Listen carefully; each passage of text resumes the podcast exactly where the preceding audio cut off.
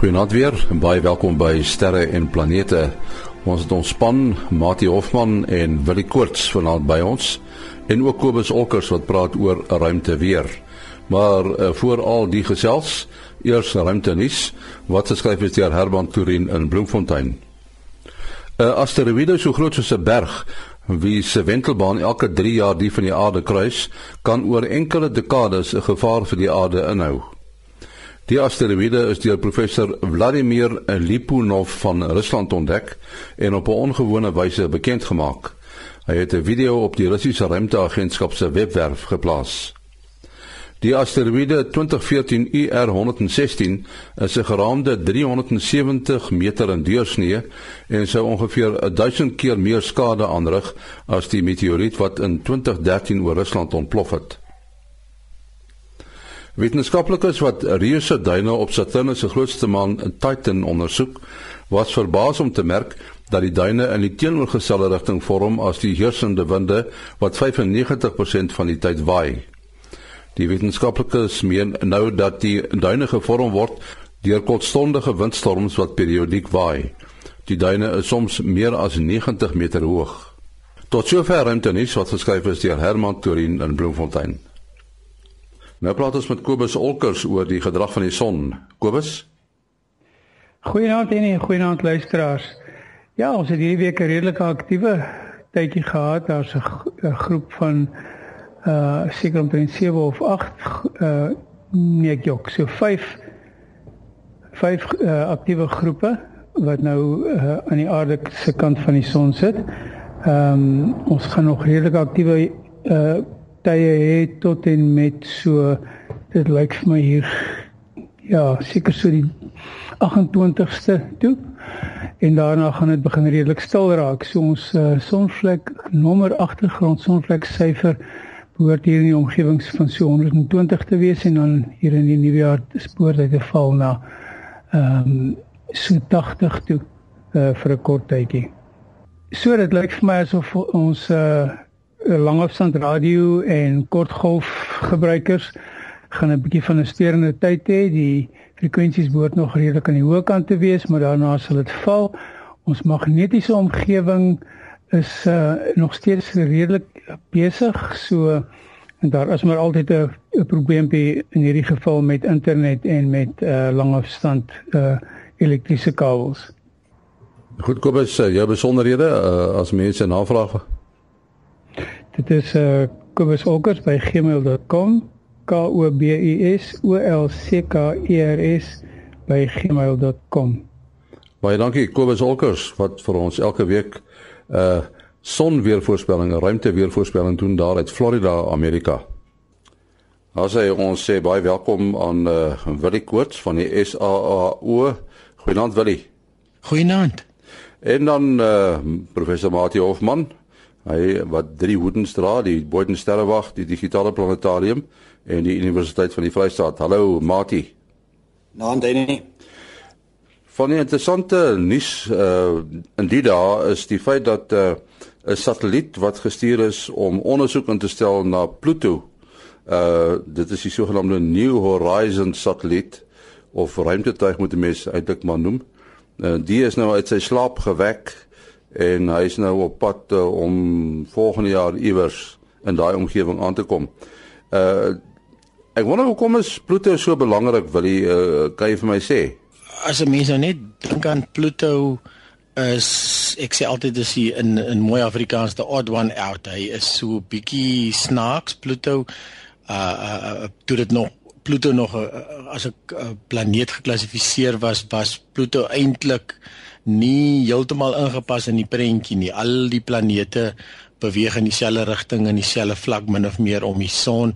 Pluto het hierdie skewe elliptiese baan uh wat partymal binne die baan van van Uranus is uh, of Neptunus is uh selfs ingekom met iets soos 3 jaar in in sy oor die 300 jaar wat dit vat om om die son te beweeg.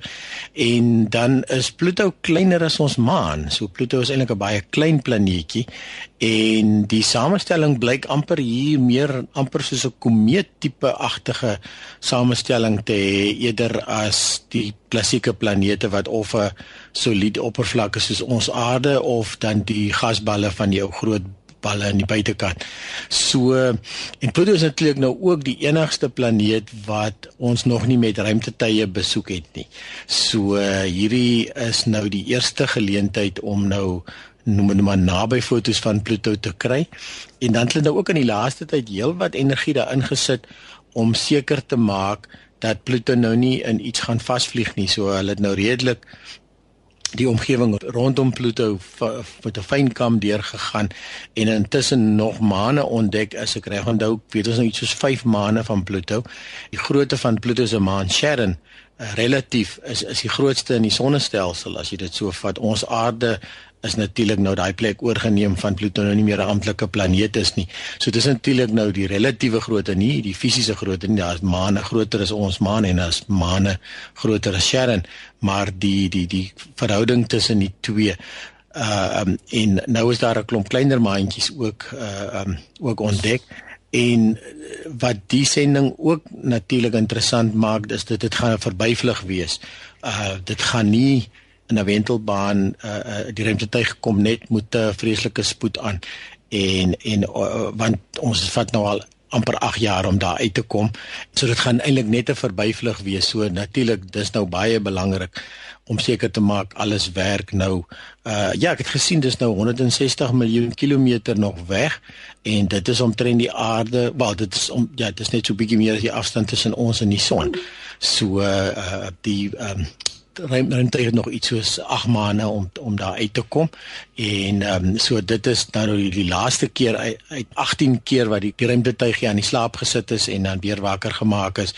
Al die al die oë moet nou oop wees en alles moet nou begin toets uh, en dan is daar 'n klompie instrumente natuurlik aan boord. So dit gaan nie net fotos wees nie, dit gaan ook die omgewing um, meet en snyf en uh, uh samestellings van die ehm um, dwergplaneet nou Pluto en sy maantjies wees ensovoorts. So dis 'n hele klompie wetenskap wat gaan plaasvind en dit daar's nie baie tyd nie. Dit dit moet in 'n oogwink gedoen word terwyl ehm um, die uh uh New Horizons daar verbyvlieg. Wel jy het nou gesê dat uh, Pluto is die sogenaamde odd one out, die die die die snaakse planeet en dit is inderdaad so. Matie, was dit nie 'n soort van 'n ek weet nie, weet ons praat nou nie van vaste reëls hierso in in sterrekunde nie dat dat 'n mens 'n uh, 'n ster het soos ons son en dan jy nou planete wat uh, rotsagtig is en dan word hulle nou gasplanete. En dan skielik is dit 'n uh, 'n uh, um, rotsplaneet soos soos soos uh, soos Pluto. Uh is dit nie waarom hy 'n soort van gedemoveer is na 'n planetoïd nie want ehm um, hy sou amper deel van die oortwolk kan wees. Is is ek reg, Matie? ja of uh, uh, uh, meer daar by die begin van die Kuiperbelt. By die Kuiperbelt, ja. Ja, as ek nou reg onthou, uh, uh, was Pluto nog as planeet beskou toe die New Horizons sending uh, ongeveer 9 jaar gelede gelanseer het. Uh, en so sy totale vlug tot by Pluto gaan ongeveer 10 jaar duur. So tydens sy vlug, vroeg in sy vlug het die uh definisie van wat dan nou die planete in ons sonnestelsel is, uh het besl formeel beslag gekry En uh ek dink dit gaan meer hierso oor die massa van 'n voorwerp.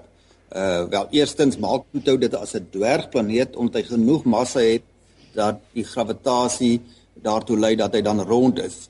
Maar hy het nie genoeg massa om sy baan te domineer nie.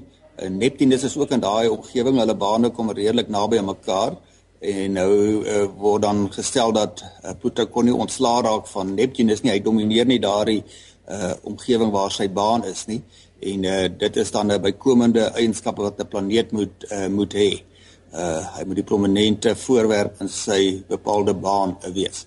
Nou daar is natuurlik uh mense wat ook kritiek op daardie baan uit uh, uh daai definisie uitoefen en daar's maar altyd nog 'n gesprek daaroor en mense wat sê nee maar die konsep van 'n planeet is meer 'n kulturele konsep. Die wetenskaplikes kan nie sommer net dit gaan verander het nie, maar dit verander uh, ons klassifisering van niks aan die wetenskaplike interessantheid nie. Dit kan wel die prestige van so 'n sending uh 'n bietjie in gedrang bring want hierdie uh, New Horizons sending was uh, was aan beskou as die sending wat die eerste keer die mens gaan in staat stel om te sien hoe lyk dit van naby af uh, uh, naby die 9de planeet En as Pluto dan nou 'n dwergplaneet is, dan is hy skielik nie een van die eksklusiewe groep van 9 planete nie, maar een van 'n onbekende groot groep van dwergplanete. Uh daar's waarskynlik baie dwergplanete want daar moet nog baie sulke voorwerpe in die Kuiperbelt wees. Daar's nou maar enkeles ontdek hier in die asteroïde belt het ons Ceres en dan wat is Pluto en Eris. Uh wil jy seker ook nog 'n paar name kan kan byvoeg.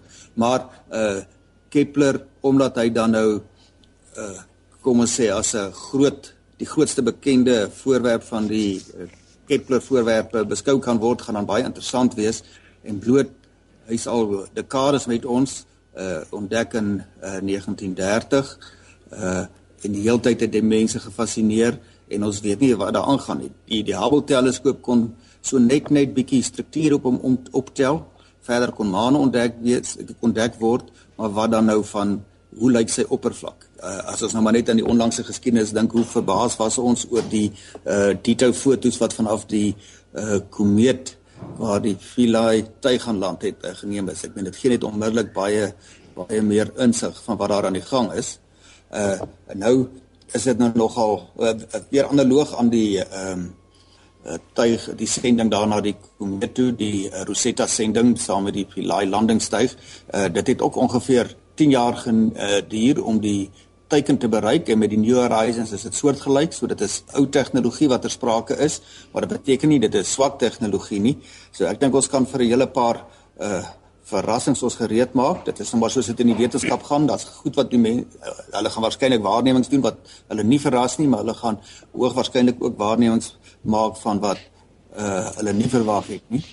Uh nou ongelukkig gaan hierdie net 'n verbyvlug wees Uh daar's nie genoeg brandstof op die New Horizons om hom te rem sodat hy 'n wentelbaan op Pluto te kan, kan gaan nie. So vir daardie paar ure van die verbyvlug uh gaan hy natuurlik baie hard werk. Nou die die werklike metings van Pluto, al is dit nou op 'n groot afstand, gaan reeds in Januarie begin, so oor ongeveer 'n maand. En uh, dan sal soos ons nader kom sal die detail al meer en meer uh, word. Dis my interessant dat uh, as daar nou een vakgebied is uh, waar 'n mens verandering moet kan aanvaar, is dit natuurlik die sterrekande met die huidige tegnologie, né? Nee. Presies soos jy sê, die wetenskap uh werk nou maar of die wetenskaplike metode werk mos nou maar jy's presies sodat jy ehm um, jy het 'n rowwe idee wat aangaan, jy stel vir jou 'n model op en jy uh, begin die model te toets teenoor jou waarnemings. Ehm um, ek onthou my wetenskap onderwyser uh, meneer Burger het altyd vir ons dit so mooi verduidelik jy het hier 'n soos 'n vuurhoutjie dosie maar jy kan nie binne in hom sien nie. So jy wil nou probeer uitvind wat gaan binne in die ding aan en nou kan jy begin goeters doen. Jy kan hom begin skud. Jy kan luister, jy kan hom weeg, jy kan digtye bepaal. Ehm um, jy kan dan kan jy nou 'n model begin optel. Goed, dit klink soos moertjies wat daar binne in is. Maar goed, so as dit moertjies is, dan moet hulle nou uh magneties of nie magneties in daar allerhande sulke snaakse goed. So jy is heeltyd besig om om om nuwe inligting te versamel en jou model aan te pas by die ehm um, hoe jy dink die ding lyk. Want ons moet ook onthou in baie gevalle uh, hierdie geval is dit natuurlik nou 'n uitsondering omdat ehm um, jy gaan nou fisies kyk hoe die ding lyk, maar die beste foto's wat ons op die stadium van Pluto het is met die Hubble ruimteteleskoop geneem. Uh, uh, toevallig ek sien hier by my maand volgende jaar uh gaan die fotos begin beter raak as wat ons van die aarde af met Hubble of wel nie heeltemal van die aarde af nie maar dit is so goed soos die aarde met die Hubble ruimteteleskoop kan neem. Uh dan gaan die ruimtetuig nader genoeg wees om om vir ons beter fotos te begin gee. In baie gevalle het jy regtig net 'n ligpuntjie wat jy het daarmee te werk en uh um jy moet allerhande goed daai aflei. So hier is eintlik nou baie groot voordeel om nou iets te gaan stuur tot by uh hierdie voorwerp en om die waarde sê New Horizons gaan gaan gaan tussen die uh, planeet en en die maan Sharon deurvlieg. So dit is regtig hy gaan regtig binne in die hart van die van die Pluto uh uh stelseltjie met sy vyf maane gaan hy deurvlieg. Mate, is daar 'n korrelasie tussen die grootte van 'n planeet en en waar dit eintlik bestaan? Met ander woorde wat ek sê, as 'n mens nou deur 'n teleskoop 'n uh, 'n voorwerp uh, raak sien wat so groot soos Jupiter is, wat 'n uh, deel van 'n uh, sonnestelsel is, kan 'n mens aanvaar dat dit 'n gasplaneet gaan wees eerder as 'n rotsagtige planeet of uh, is daar ander dinge wat op die spel is? Uh nee, ek gaan eers die ma makliker vraag wat jy nie uit nie antwoord. As mens 'n planeet wat uh, klein is, uh dan is dit hoogwaarskynlik nie 'n glasplaneet nie want so klein massa het dit nie genoeg massa om daardie gasse vas te hou nie. Dit gaan wegdefiniteer die die ruimte in. Uh so klein planete moet dan solied wees van water en 'n bietjie atmosfeer en so aanwesig afhangende van die van die massa. Was ons nou net byvoorbeeld uh, planeet soos Mars uh, neem, hy het net nie genoeg gravitasie gehad om vir die afstand wat hy van die son af uh, is, daar kom dus heel wat hitte nog uit om sy atmosfeer te hou nie. Nou die groot die, die die groot uh, gasreuse, ja, hulle mag dalk 'n uh, soliede kern hê.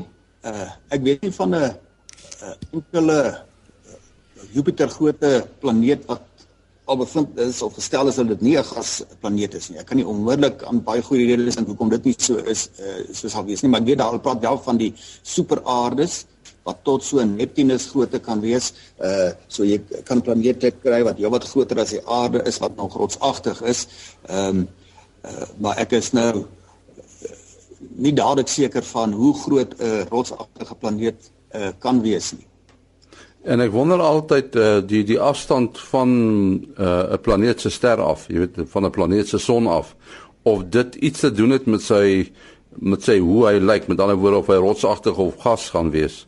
Want in die onlangse verlede is daar nou planete gevind wat baie na aan hulle ster is, maar wat 'n gasplaneet was.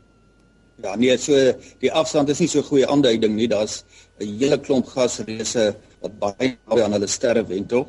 Nou die uh verklaringe dan heel dikwels dat daardie planete aanvanklik heelwat verder van hulle uh, sterre af was en uh weens verskeie redes uiteindelik nader beweeg het aan die uh, aan die ster.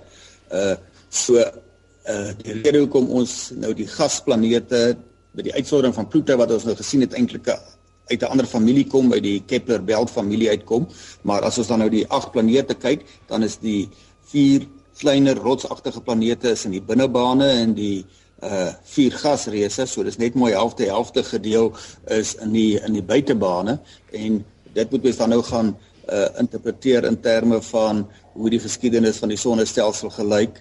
Ehm um, en die die vlugtige stowwe wat wat nou aanleiding gegee het tot die uh, gasreuse uh sou nie so maklik kon kondenseer in die binnekant van die uh sonnestelsel waar dit baie warmer is nie. So vir die vorming van gasplanete het ons waarskynlik dan uh baie laer temperature nodig en dit is groter afstande. Ek moet ook saamstem met Mati daai ek is ook nie heeltemal so op hoogte van uh die, die hele storie nie, maar wat ek wel weet en ag gehoor het en gelees het is uh, sê dit die laaste 10-15 jaar wat ons nou eksoplanete ontdek het is ons um geëikte manier of ons ons kyk te denke van hoe 'n sonnestelsel ontstaan. Nou, ons het net een voorbeeld gehad en dit is ons eie dat die die die die die kleiner digte planete aan die binnekant met die groot reus gasreuse aan die buitekant uh is heeltemal op sy kop gedraai want uh, daar is uh, baie groot planete die die eerste uh, eksoplanete wat ontdek is was natuurlik uh, moes groot genoeg gewees het uh 'n hele paar keer Jupiter se groot dan Jupiter is die grootste in ons eie sonnestelsel uh om om regtig uh, uh gemeet te kon word en die goed is gevind bitter na aan hulle sterre. So die die uh die hele teorie van hoe sonnestelsels sou ontstaan uh moes amper geherskryf word om om in om aan te pas by hierdie nuwe uh ontdekkings. En dit is wat ons vroeër gesê het dit is juis hoe die wetenskap werk. As jy skielik iets sien wat nie werk soos jy gedink het nie dan dan moet jy gaan dink uh, aan jou model en uh bedink hoe hoe kon dit dan nou gebeur het. So dit is dit het eintlik die ding baie interessant gemaak Ja, Herman Turin het uh, in sy nuusbulletin wat ons daar in die begin gelees het, het hy gewag gemaak van uh, hierdie uh, Russiese uh, persoon wat gesê het dat daar is 'n asteroïde op pad aarde toe. Nou ons weet wat laas keer gebeur het, begin laas jaar nê, het hulle mos na 'n asteroïde gekyk en uh almal was uh vol afwagting dat hulle nou meer inligting gaan kry oor die asteroïde en toe kom daar een met die agterdeur in. So mense weet nie asteroïdes is eintlik maar letterlik en figuurlik donker perde, nê, nee, Mati? Ja, as uh, asteroïdes is 'n uh, voorwerpe wat uh, wel as mens nou letterlik uh jou woorde wil opneem oor die algemeen baie donker voorwerpe. Uh en ook tipies nie baie groot nie. Jy kry nou die uitsonderings waar jy nou asteroïdes het wat dan 'n asteroïdgordel is. Uh wat 'n paar honderd kilometer in deursnee kan wees. Ek dink Ceres is in die orde van 600 km in deursnee. Uh maar uh mens kry miljoene van hierdie asteroïdes uh en dan sal jy hoe kleiner hulle is, hoe meer gaan jy van hulle kry. En uh hierdie bepaalde asteroïde met die kodenaam 2014 IR116 het 'n uh, 370 meter uh deursnee. Uh nou dis net nie verskriklik groot nie, soos 'n klein Vrystaatse koppie. Uh maar ek sien uh hierso die uh, nuusberig wat Herman vir ons voorberei het, sou hy 1000 keer meer skade kon aanrig as hy met die aarde bots as die voorwerp wat uh in 2013, ons onthou vroeg vroeg laas jaar. Ja. Was daar die hoor wat bo Rusland ontplof het en nogal baie baie skade aangerig het. Daar was geen lewensverlies gelukkig nie, maar dit was 'n groot knal wat oor 'n baie groot gebied uh, gehoor is. So 1000 keer dit Uh dit is nogal dis nogal erg. Dit sal nou nie 'n 'n globale ramp veroorsaak nie. Uh maar dit gaan beslis in daardie omgewing van sê etlike 100 km deursnee uh groot skade veroorsaak. Maar wat 'n mens wel moet weet is uh as daar asteroïde op pad is, daar's nie eintlik iets wat ons kan doen daaraan nie. Dit hang af hoe betyds mens weet hy is op pad. Uh gestel mens weet dit betyds, uh dan kan jy 'n uh, een of ander reddingssending sien te stuur en daar's 'n paar idees van hoe hulle dan hoop om so asteroïde van baan af net genoegsaam van baan af uh, te deflekteer dat hy die aarde mis. Mens kan jy nou voorstel dat hoe gouer jy dit doen, uh hoe groter effek kan 'n klein verstoring tot gevolg hê. Dit is soos as jy skuif skiet, uh as jy baie ver probeer skiet en jy beweeg net jou loop so klein bietjie regs of links dan mis jy jou teiken met baie meters so hoe vroeër jy so 'n poging sou kon uh uh onderneem hoe beter. Uh daar's 'n uh, een van die uh, metodes voor die hand liggende metodes om om iets soos 'n kernbom te probeer, maar uh afhangende van die aard van die voorwerp mag dit 'n goeie of slegte idee wees. As dit 'n tamelike ros voorwerp is, dan gaan jy hom in 'n uh, die ekwivalent van 'n halgeweer patroon uh omskep uh een van die metodes kan wees om bloot langsom te vlieg en met die gravitasie van jou ruimteskip as hy groot genoeg massa het om net 'n bietjie weg te trek in 'n bepaalde rigting en dan moet natuurlik nou jou berekeninge goed genoeg uh doen dat jy hom in die regte rigting uh trek in plaas daarvan dat jy hom net daardie bietjie meer in die rigting van die aarde trek. Nou een van die redes hoekom dit moeilik is om hierdie uh voorwerpe betyds waar te neem, uh eerstens is hulle baie keer klein, of gewoonlik klein, is hulle baie donker en as hy dan nou op koers is na die aarde en hy is nie een van die goed bekende voorwerpe die die naby aarde voorwerpe of naby aarde asteroïdes waarvan die bane bekend is dat hulle nou om oor 'n lang tyd kan dophou nie as dit nou 'n voorwerp is wat heel as 'n verrassing hier uit die buitenste ruimte aankom. Uh die feit dat hy moontlik met die aarde gaan bots maak juist dat hy op jou afbuil en dis baie klein 'n laterale beweging het. Dit is soos as jy na 'n vliegtyg in die aand kyk wat van ver af uh, in jou rigting vlieg, dan lyk dit 'n lang ruk lank dalk soos 'n helder ster, maar daar's te lank en hoe nader aan jou kom, hoe meer kan jy sy beweging begin waarneem. So nou kan mens sien dat dit dit wels nie so maklik is om hom nou sê met 'n 3 jaar kennisgewing te kan sien nie. Jy kan nie as jy nou 'n voorwerp sien wat oor 'n weekie aankom nog 'n betydse ruimte tuig ruimte toe skiet nie. Uh, so dit is nie 'n maklike probleem nie, maar dit is hoekom daar nogal al meer aandag hier aan gegee word om teleskope reg rondom die aarde het wat die diep ruimte dophou en dan nou soek vir hierdie soort van voorwerpe. Ja, wel heel kort, uh, jy jy sou wat ek wil nou nie sê dit is asterismes nie, maar die die sterpatrone, interessante sterpatrone op die oomblik. Ons dink mos maar altyd hierdie tyd van die jaar aan aan die Bethlehem ster en so aan en so partymal vir alles ek nou artikels skryf en so dan dan is dit altyd my my idee ook om van die goeters in in die in die oog te hou. So uh, Venus is nou begin nou lekker kop uit te steek as die aandster baie na aan die westelike horison waar die son sak. En ehm um, uh, so van die 23 Desember af dis oormôre aand uh um gaan uh, Venus en 'n sekelmaantjie baie mooi lekker bymekaar sit. En dan op die 24ste gaan um, die sekelmaantjie bietjie groter wees en reg onder Mars sit. Nou okay, Mars is nou nie so helder nie, maar dit sal nou altyd interessant wees vir al die mense wat nog nie weet waar om te kykie.